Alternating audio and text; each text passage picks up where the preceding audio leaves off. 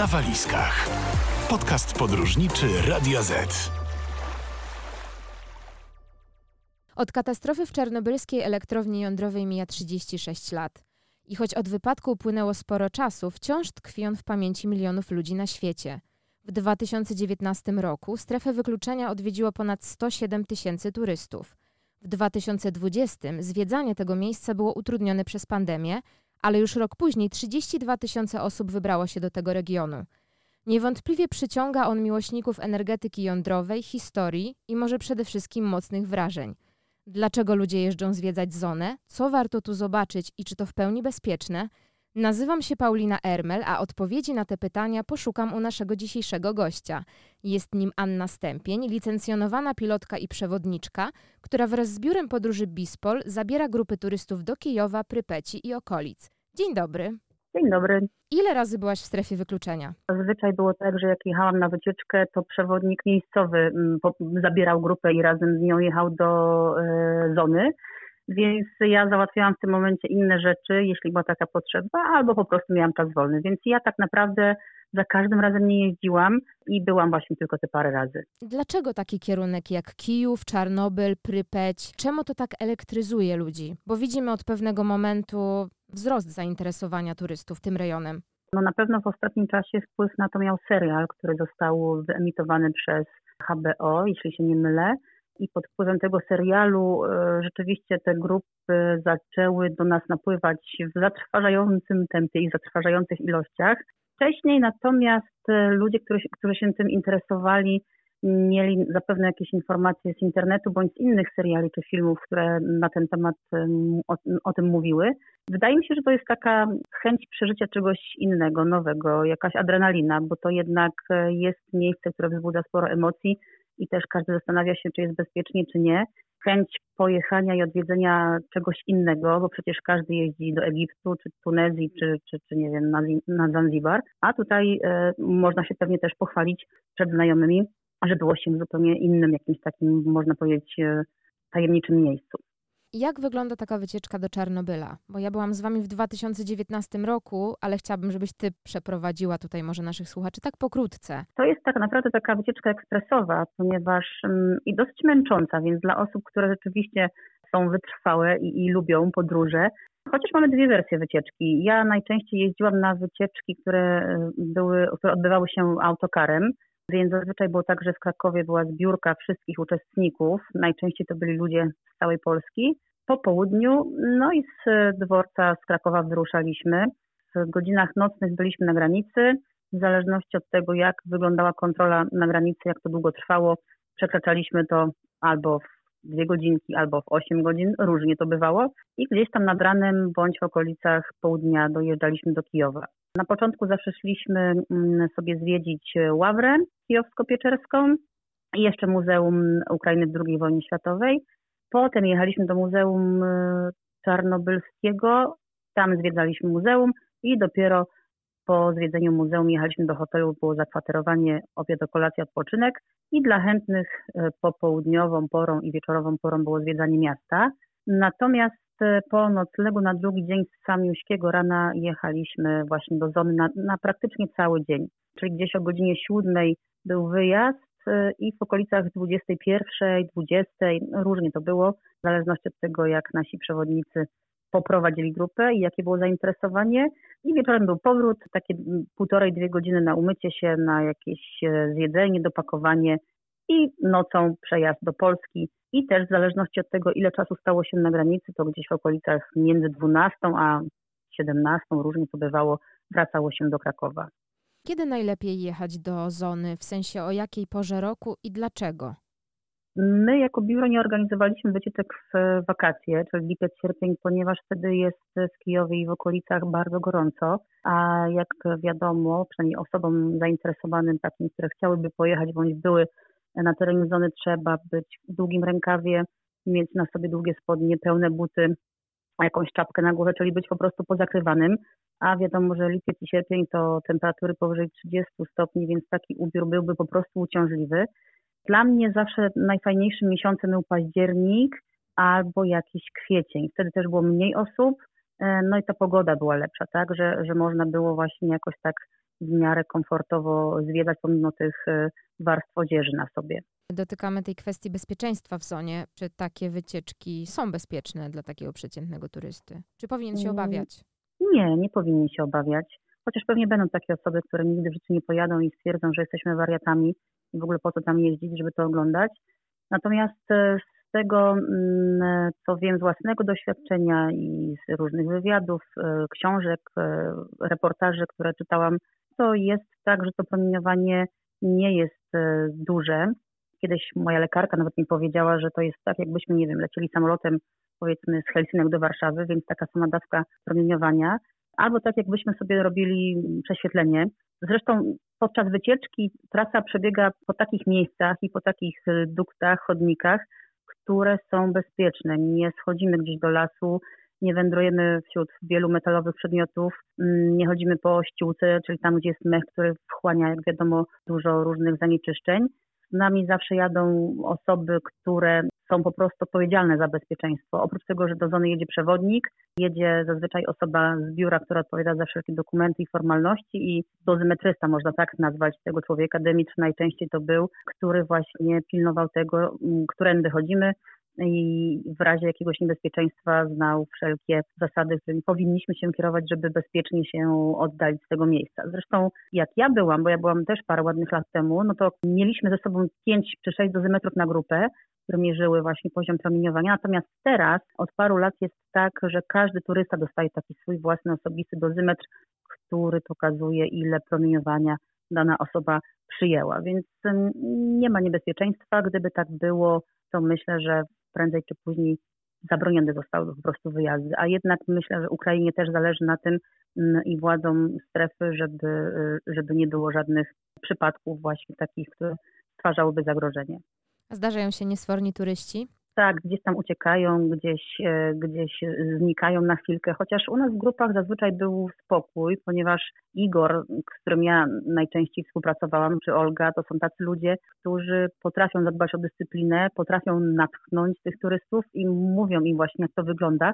Poza tym w ostatnich czasach, jak zwiększyła się liczba turystów, to też zwiększyła się liczba patroli, które kontrolowały to, co się dzieje w Trypeci i w Czarnobylu, więc takie jakieś wyskoki nie były za bardzo możliwe.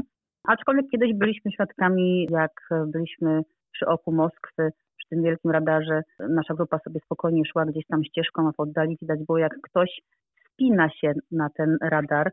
Jakiś turysta, nie, nie wiem skąd on był, czy z innej grupy, czy, czy, czy indywidualnie przyjechał, także wszyscy się za głowę złapali i właśnie no, w grupie naszej były takie szepty, że to przecież niebezpieczne, bo to ustrojstwo ma już 30 lat. Mogłoby się po prostu zdarzyć wszystko, że nawet by się coś połamało, urwało i człowiek by spadł. Co takiego właśnie warto zobaczyć w tej zonie? Już wspomniałaś tutaj o Dudze, tak, o, o oku Moskwy, ale jest kilka takich punktów, które ja pamiętam oczywiście ze swojej wycieczki, ale chciałabym, żebyś ty o nich opowiedziała. No to na pewno e, Czarnobyl 2, czyli właśnie to oko Moskwy, ten wielki radar i pozostałości po budynkach, które tam się znajdowały. Dla mnie osobiście najfajniejsze było e, zwiedzanie czy spacer po Prypeci i takie uświadomienie sobie, że rzeczywiście całe miasto po prostu nagle mm, zniknęło. Miasto, które też było przygotowane dla, dla rodzin, dla, dla pracowników elektrowni i dla ich rodzin, więc w większości byli to jednak młodzi ludzie. Jak na tamte czasy, czyli lata 80., no niesamowite było to, co oni tam mieli do dyspozycji. To było takie, no można by powiedzieć, miasto marzeń, bo mm, e, i jakieś wysokie bloki, w każdym domu telefon. Mieli jakiś supermarket podziemnym parkingiem, była kawiarnia, była restauracja, przedszkole, szkoła, szpital, była taka przystań nad e, rzeką, stadion olimpijski, więc tych udogodnień ci ludzie mieli naprawdę dużo i musiało się tam żyć po prostu fajnie. E, Tym bardziej, że wiemy, jakie to były czasy i jak to wyglądało w Związku Radzieckim. I w Polsce też, no nie każdego było stać, nie każdy w ogóle miał możliwość posiadania w domu telefonu, a tam w każdym mieszkaniu telefon, no to było coś rzeczywiście takiego innego i fajnego.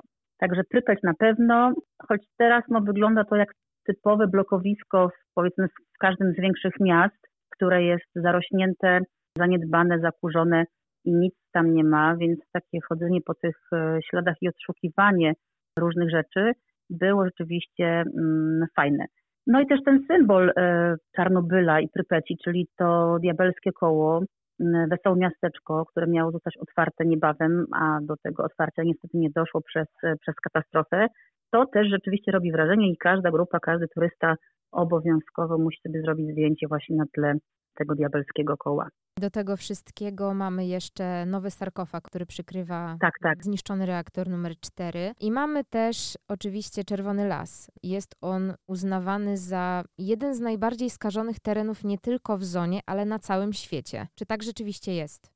Czy na całym świecie, przyznam szczerze, nie wiem.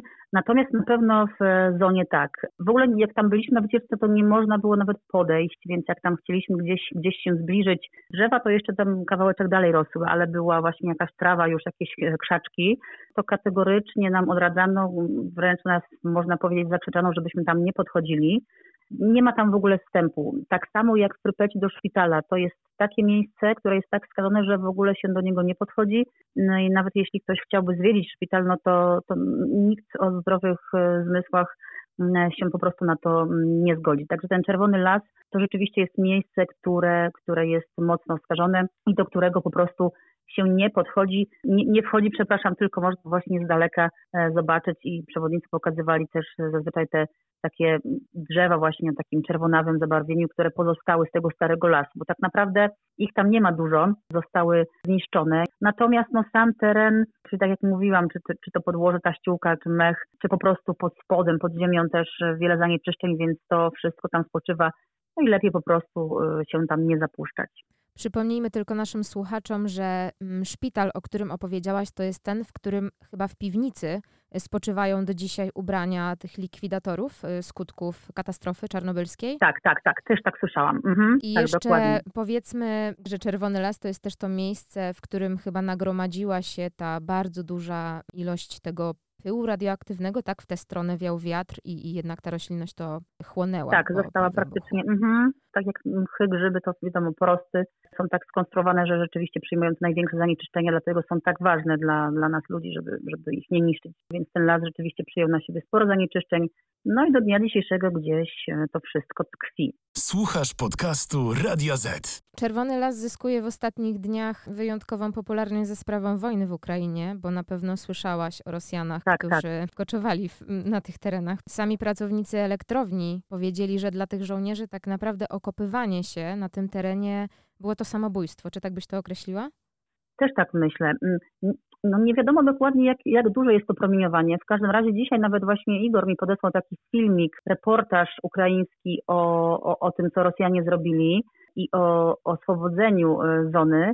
E, I rzeczywiście była tam mowa o tym, że, że no to samobójcy i że razem tym, że się po prostu wynieśli, wycofali, no to wynieśli też troszeczkę tego promieniowania i, i pewnie jest spora szansa, że jakieś tam mm, przypadłości się przytrafią. Nie wiem po co rozkopywali, nie wiem po co w ogóle tam weszli, nie, nie mam zielonego pojęcia. Nie wiem, czy uważają nadal, że są jacyś niezniszczalni i, i że nic im się nie może stać, nie słuchając czy nie, nie, nie mając wiedzy na temat, co się wydarzyło w Czarnobylu. Z relacji mm, zagranicznych mediów y, wynika, że kilka autobusów medycznych z żołnierzami cierpiącymi na choroby popromienne już dojechało w ostatnich dniach do białoruskich szpitali. Mm, no, czyli już coś się dzieje. Tak, no tak, tak, tak. Pamiętam, że w trakcie wyprawy z waszym biurem podróży do e, zony mówiono nam, żeby żad w żadnym wypadku nie wynosić ze sobą stamtąd absolutnie niczego. A Rosjanie zabrali ze strefy wykluczenia różne łupy. Dlaczego nie należy tego robić? I czy przypominasz sobie może anegdoty, jakie przewodnicy czarnobylscy przytaczają turystom? Tłumaczone to było z reguły tym, że może to być napromieniowane i może to być niebezpieczne. Chociaż z drugiej strony przecież sami nam opowiadali o tym, że e, po katastrofie e, ludzie, którzy przybywali na teren zony, e, jednak wynosili różne rzeczy i mnóstwo towaru, że tak się wyrażę, krążyło gdzieś po okolicy, krążyło w Kijowie. Niektórzy wzięli to do swoich własnych domów, niektórzy gdzieś pewnie sprzedawali na jakichś targowiskach. Nie wiadomo, e, co się z tym wszystkim działo.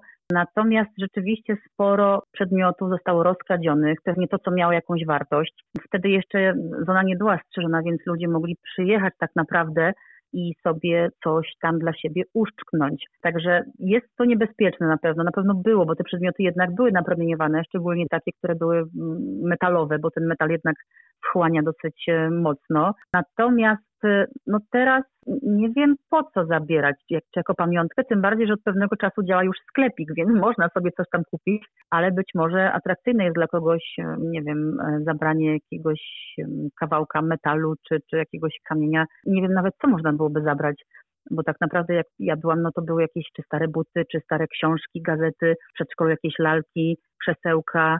Szczerze mówiąc nie wiem, co by można było zabrać jako skarb, jako pamiątkę z takiej wyprawy. No na pewno e, na pewno ja bym się bała właśnie promieniowania tego, że to jest w jakiś sposób brudne, być może właśnie zanieczyszczone po co to dotykać gołymi rękoma. Pamiętam, że właśnie przewodniczka, której imienia niestety nie pamiętam, ale przemiła kobieta w blond krótkich włosach. Opowiada... To chyba Olga. Możliwe, możliwe. Opowiadała nam o tym, że właśnie z zony, powiedzmy nielegalni eksploratorzy, takich nazwijmy, mhm. powynosili jakieś takie części typu drewno, właśnie takie metalowe elementy i potrafili na przykład trzymać, składować to w domu albo nawet budować coś z tego i następnie potem dziwnym trafem rodzina potrafiła się zacząć źle czuć.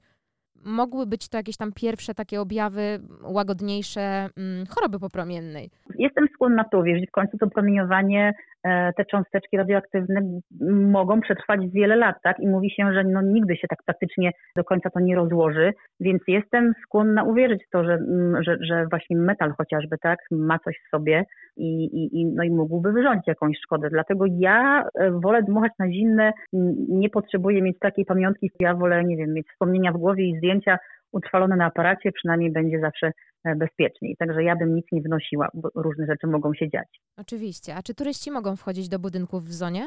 Szpital jest w ogóle nie, nie, nie, do, nie tak. do podejścia, nie do, nie do tknięcia. Tak. E, natomiast e, ogólnie rzecz biorąc jest zakaz wchodzenia do budynków, ponieważ grozi to niebezpieczeństwem, nawet jeśli, już, nawet już nie chodzi o promieniowanie, tylko o sam fakt, że to przecież ma ponad 30 lat, zostało zniszczone, zostało splądrowane, jakieś elementy ludzie właśnie powynosili, pokradli. Nikt tego nie sprawdza, nikt tego nie zabezpiecza, więc tutaj nawet chodzi o względy bezpieczeństwa takie, mogłabym rzec, budowlane, techniczno-budowlane, żeby po prostu coś się komuś na głowę nie zwaliło. No przyznam szczerze, że nam się udało być w paru budynkach, troszkę tak nielegalnie je penetrowaliśmy. Jak się tam chodziło, no to tu jakaś dziura, tu jakaś wyrwa, czy tutaj szyb windy.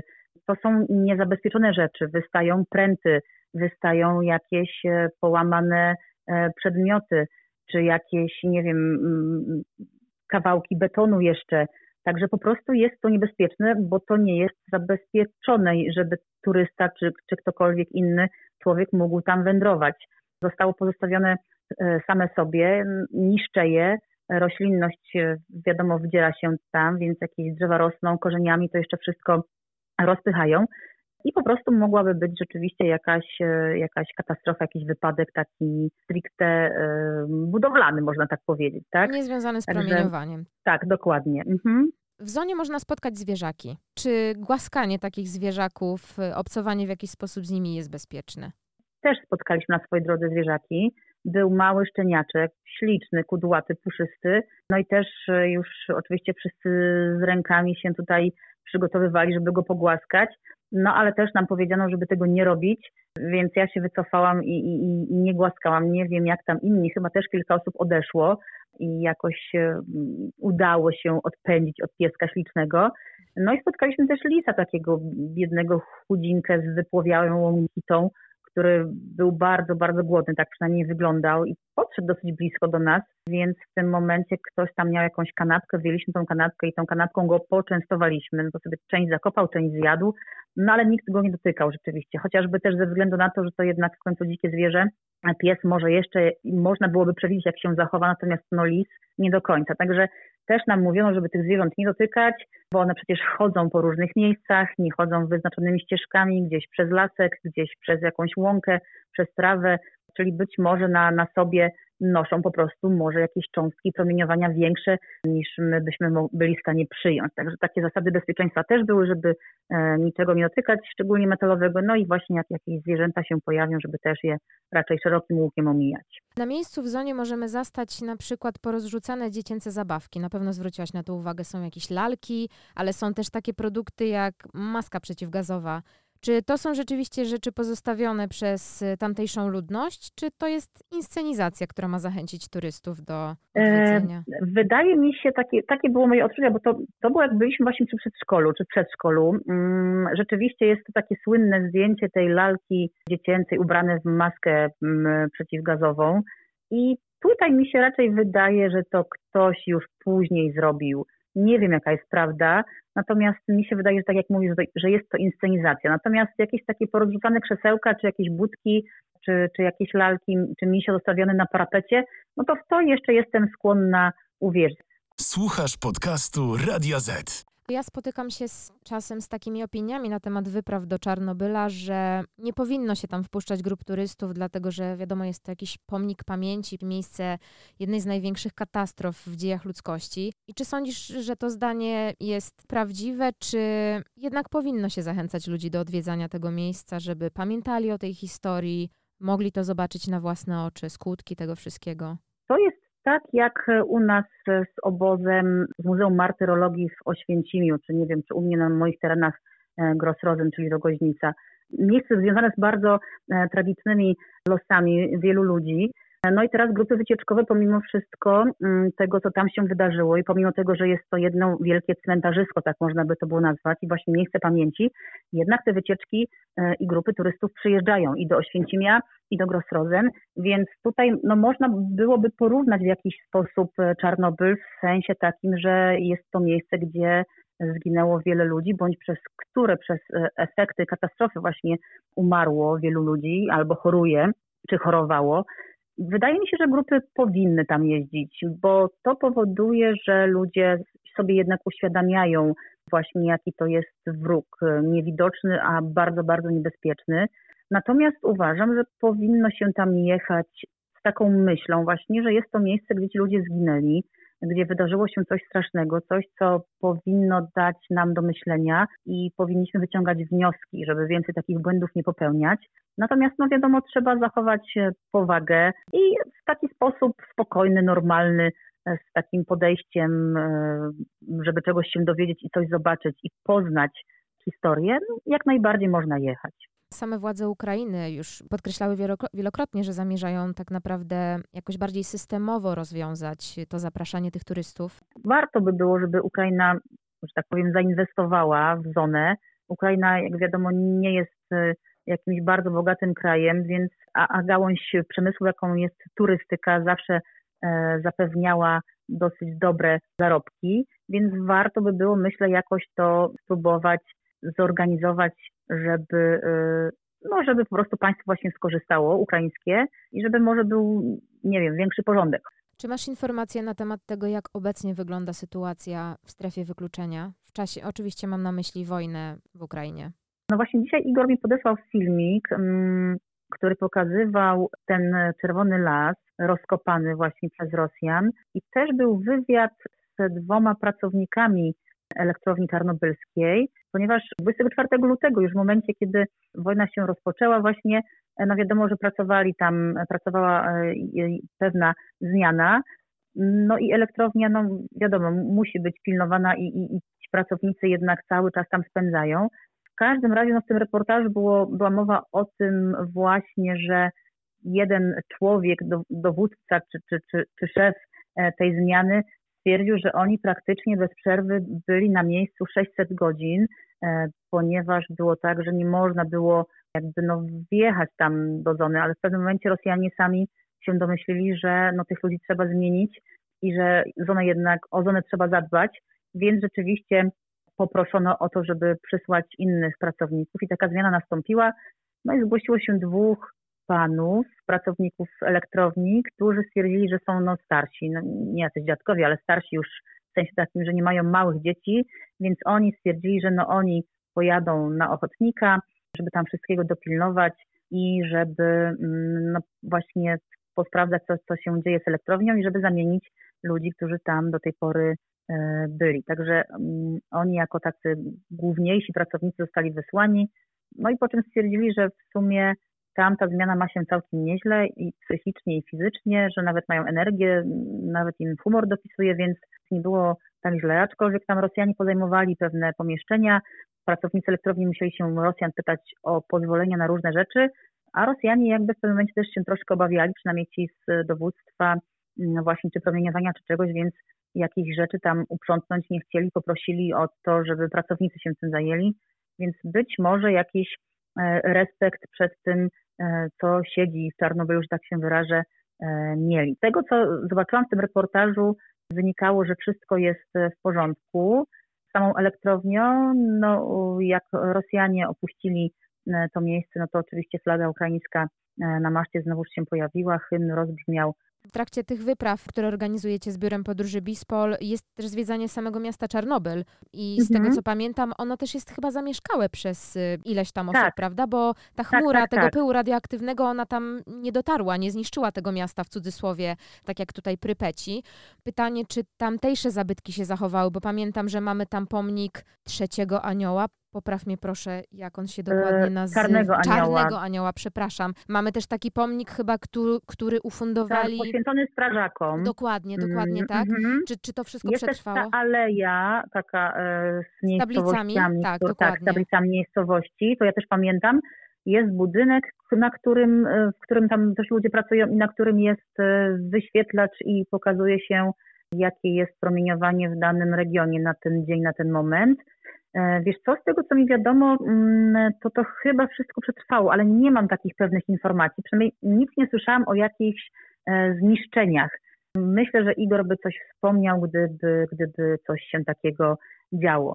Tam jeszcze też filmik taki ostatnio od, z kolei od Dymitra, który, który jeździł z nami właśnie jako ten człowiek od zabezpieczenia, jeśli chodzi o promieniowanie, no to tam gdzieś się wybrali w okolicy, no to, to tylko tak naprawdę z jakiejś drogi dojazdowe do zony, gdzieś tam panowie jechali, to było widać, że tutaj jakiś most zawalony w połowie, tutaj jakaś droga, rozryta i no, no rzeczywiście tak nieciekawie to wszystko wyglądało. Wiadomo, że Rosjanie przejechali przede wszystkim przez tą zonę takim ciężkim wojskowym sprzętem i też właśnie dlatego mówi się o tym uniesieniu z powrotem tych y, radioaktywnych cząsteczek, tego pyłu. Czy planujecie wrócić do zony? Nie wiadomo, kiedy mhm. wojna się skończy, tak? Ale czy, mhm. czy, czy, będziecie chcieli wrócić tam z grupami turystów ogólnie tak, do Kijowa? Myślę, myślę, że tak.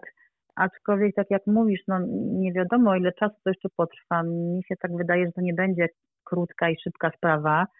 Nie sposób teraz przewidzieć, jak to wszystko się rozwinie, tym bardziej, że ja rzeczywiście nie mam jakiejś takiej wiedzy politycznej i nigdy w politykę wielką nie, nie wchodziłam, więc e, jak to się rozegra, trudno mi przewidzieć. Być może będzie sytuacja taka jak w innych krajach, że, że ten konflikt będzie po prostu już wielo, wieloletni albo będzie trwał i trwał, czego nie życzę. Mam nadzieję, że Ukraina się z tego wszystkiego pozbiera, że, że wyjdzie obronną ręką, e, że zwycięży po prostu. E, chcielibyśmy bardzo wrócić z wycieczkami. Mm, ja w swoim grafiku cały czas mam wpisane Kijów Czarnobyl, jest tam tych wycieczek parę i tak sobie tylko skreślam e, i wpisuję ewentualnie coś innego, jeśli się pojawia. Jak to będzie wyglądało? No strasznie ciężko jest to ocenić. Myślę, że dalej będą ludzie chcieli jeździć, no ale to wszystko właśnie okaże się w, no, w najbliższych pewnie miesiącach. Oficjalnie podaje się, że bezpośrednio na skutek katastrofy w Czarnobylu zmarło 30 osób. Wszyscy wiemy, że te statystyki są niedoszacowane i, i, i te skutki dotknęły tysiące ludzi. Ale czy myślisz, że do tego regionu jeszcze kiedykolwiek powrócą mieszkańcy? Mam na myśli duże grupy ludzi, a nie tylko samosiołów, którzy wrócili do swoich gospodarstw, domów. Ci ludzie, którzy tam mieszkają, czyli ci starsi najczęściej, tak, dziadkowie, babcie, E, no to oni e, rzeczywiście wrócili na to miejsce, bo przecież byli do niego przyzwyczajeni. To w końcu ich dom i jak porzekadło mówi, e, starych drzew się nie przesadza, no to rzeczywiście chyba z tego względu ci ludzie po prostu powrócili, no bo nie wyobrażali sobie innego życia w innym miejscu. Natomiast wydaje mi się, że ci młodsi, którzy, którzy mieszkali gdzieś w tamtym rejonie, że na tyle się już przyzwyczaili do swoich nowych miejsc, że chyba niekoniecznie chcieliby wrócić. Tym bardziej, że tak naprawdę no, trzeba byłoby postawić wszystko od początku, tak? bo tam przecież nic e, nie ma. Ci, którzy mieszkają do tej pory gdzieś w granicach strefy, no to te chałupinki e, to są takie rzeczywiście stare domy, jak na, na takich m, dawnych e, wsiach.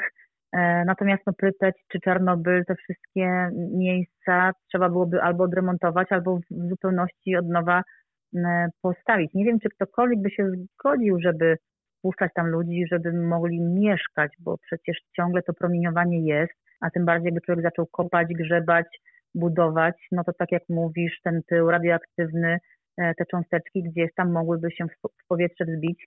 No pozostaje nam tylko wierzyć, że wojna w Ukrainie skończy się jak najszybciej i jednak Oby tak było. Tak, kolejne grupy turystów będą, będą mogły wrócić do zony, bo jest to miejsce, znaczy na mnie wywarło ogromne wrażenie i, i myślę, że chętnie bym sama pojechała po raz kolejny. Moim i Państwa gościem była przewodniczka i licencjonowana pilotka Anna Stępień. Bardzo Ci dziękuję za rozmowę. Bardzo dziękuję. Więcej odcinków podcastu na walizkach znajdziesz na player i Spotify.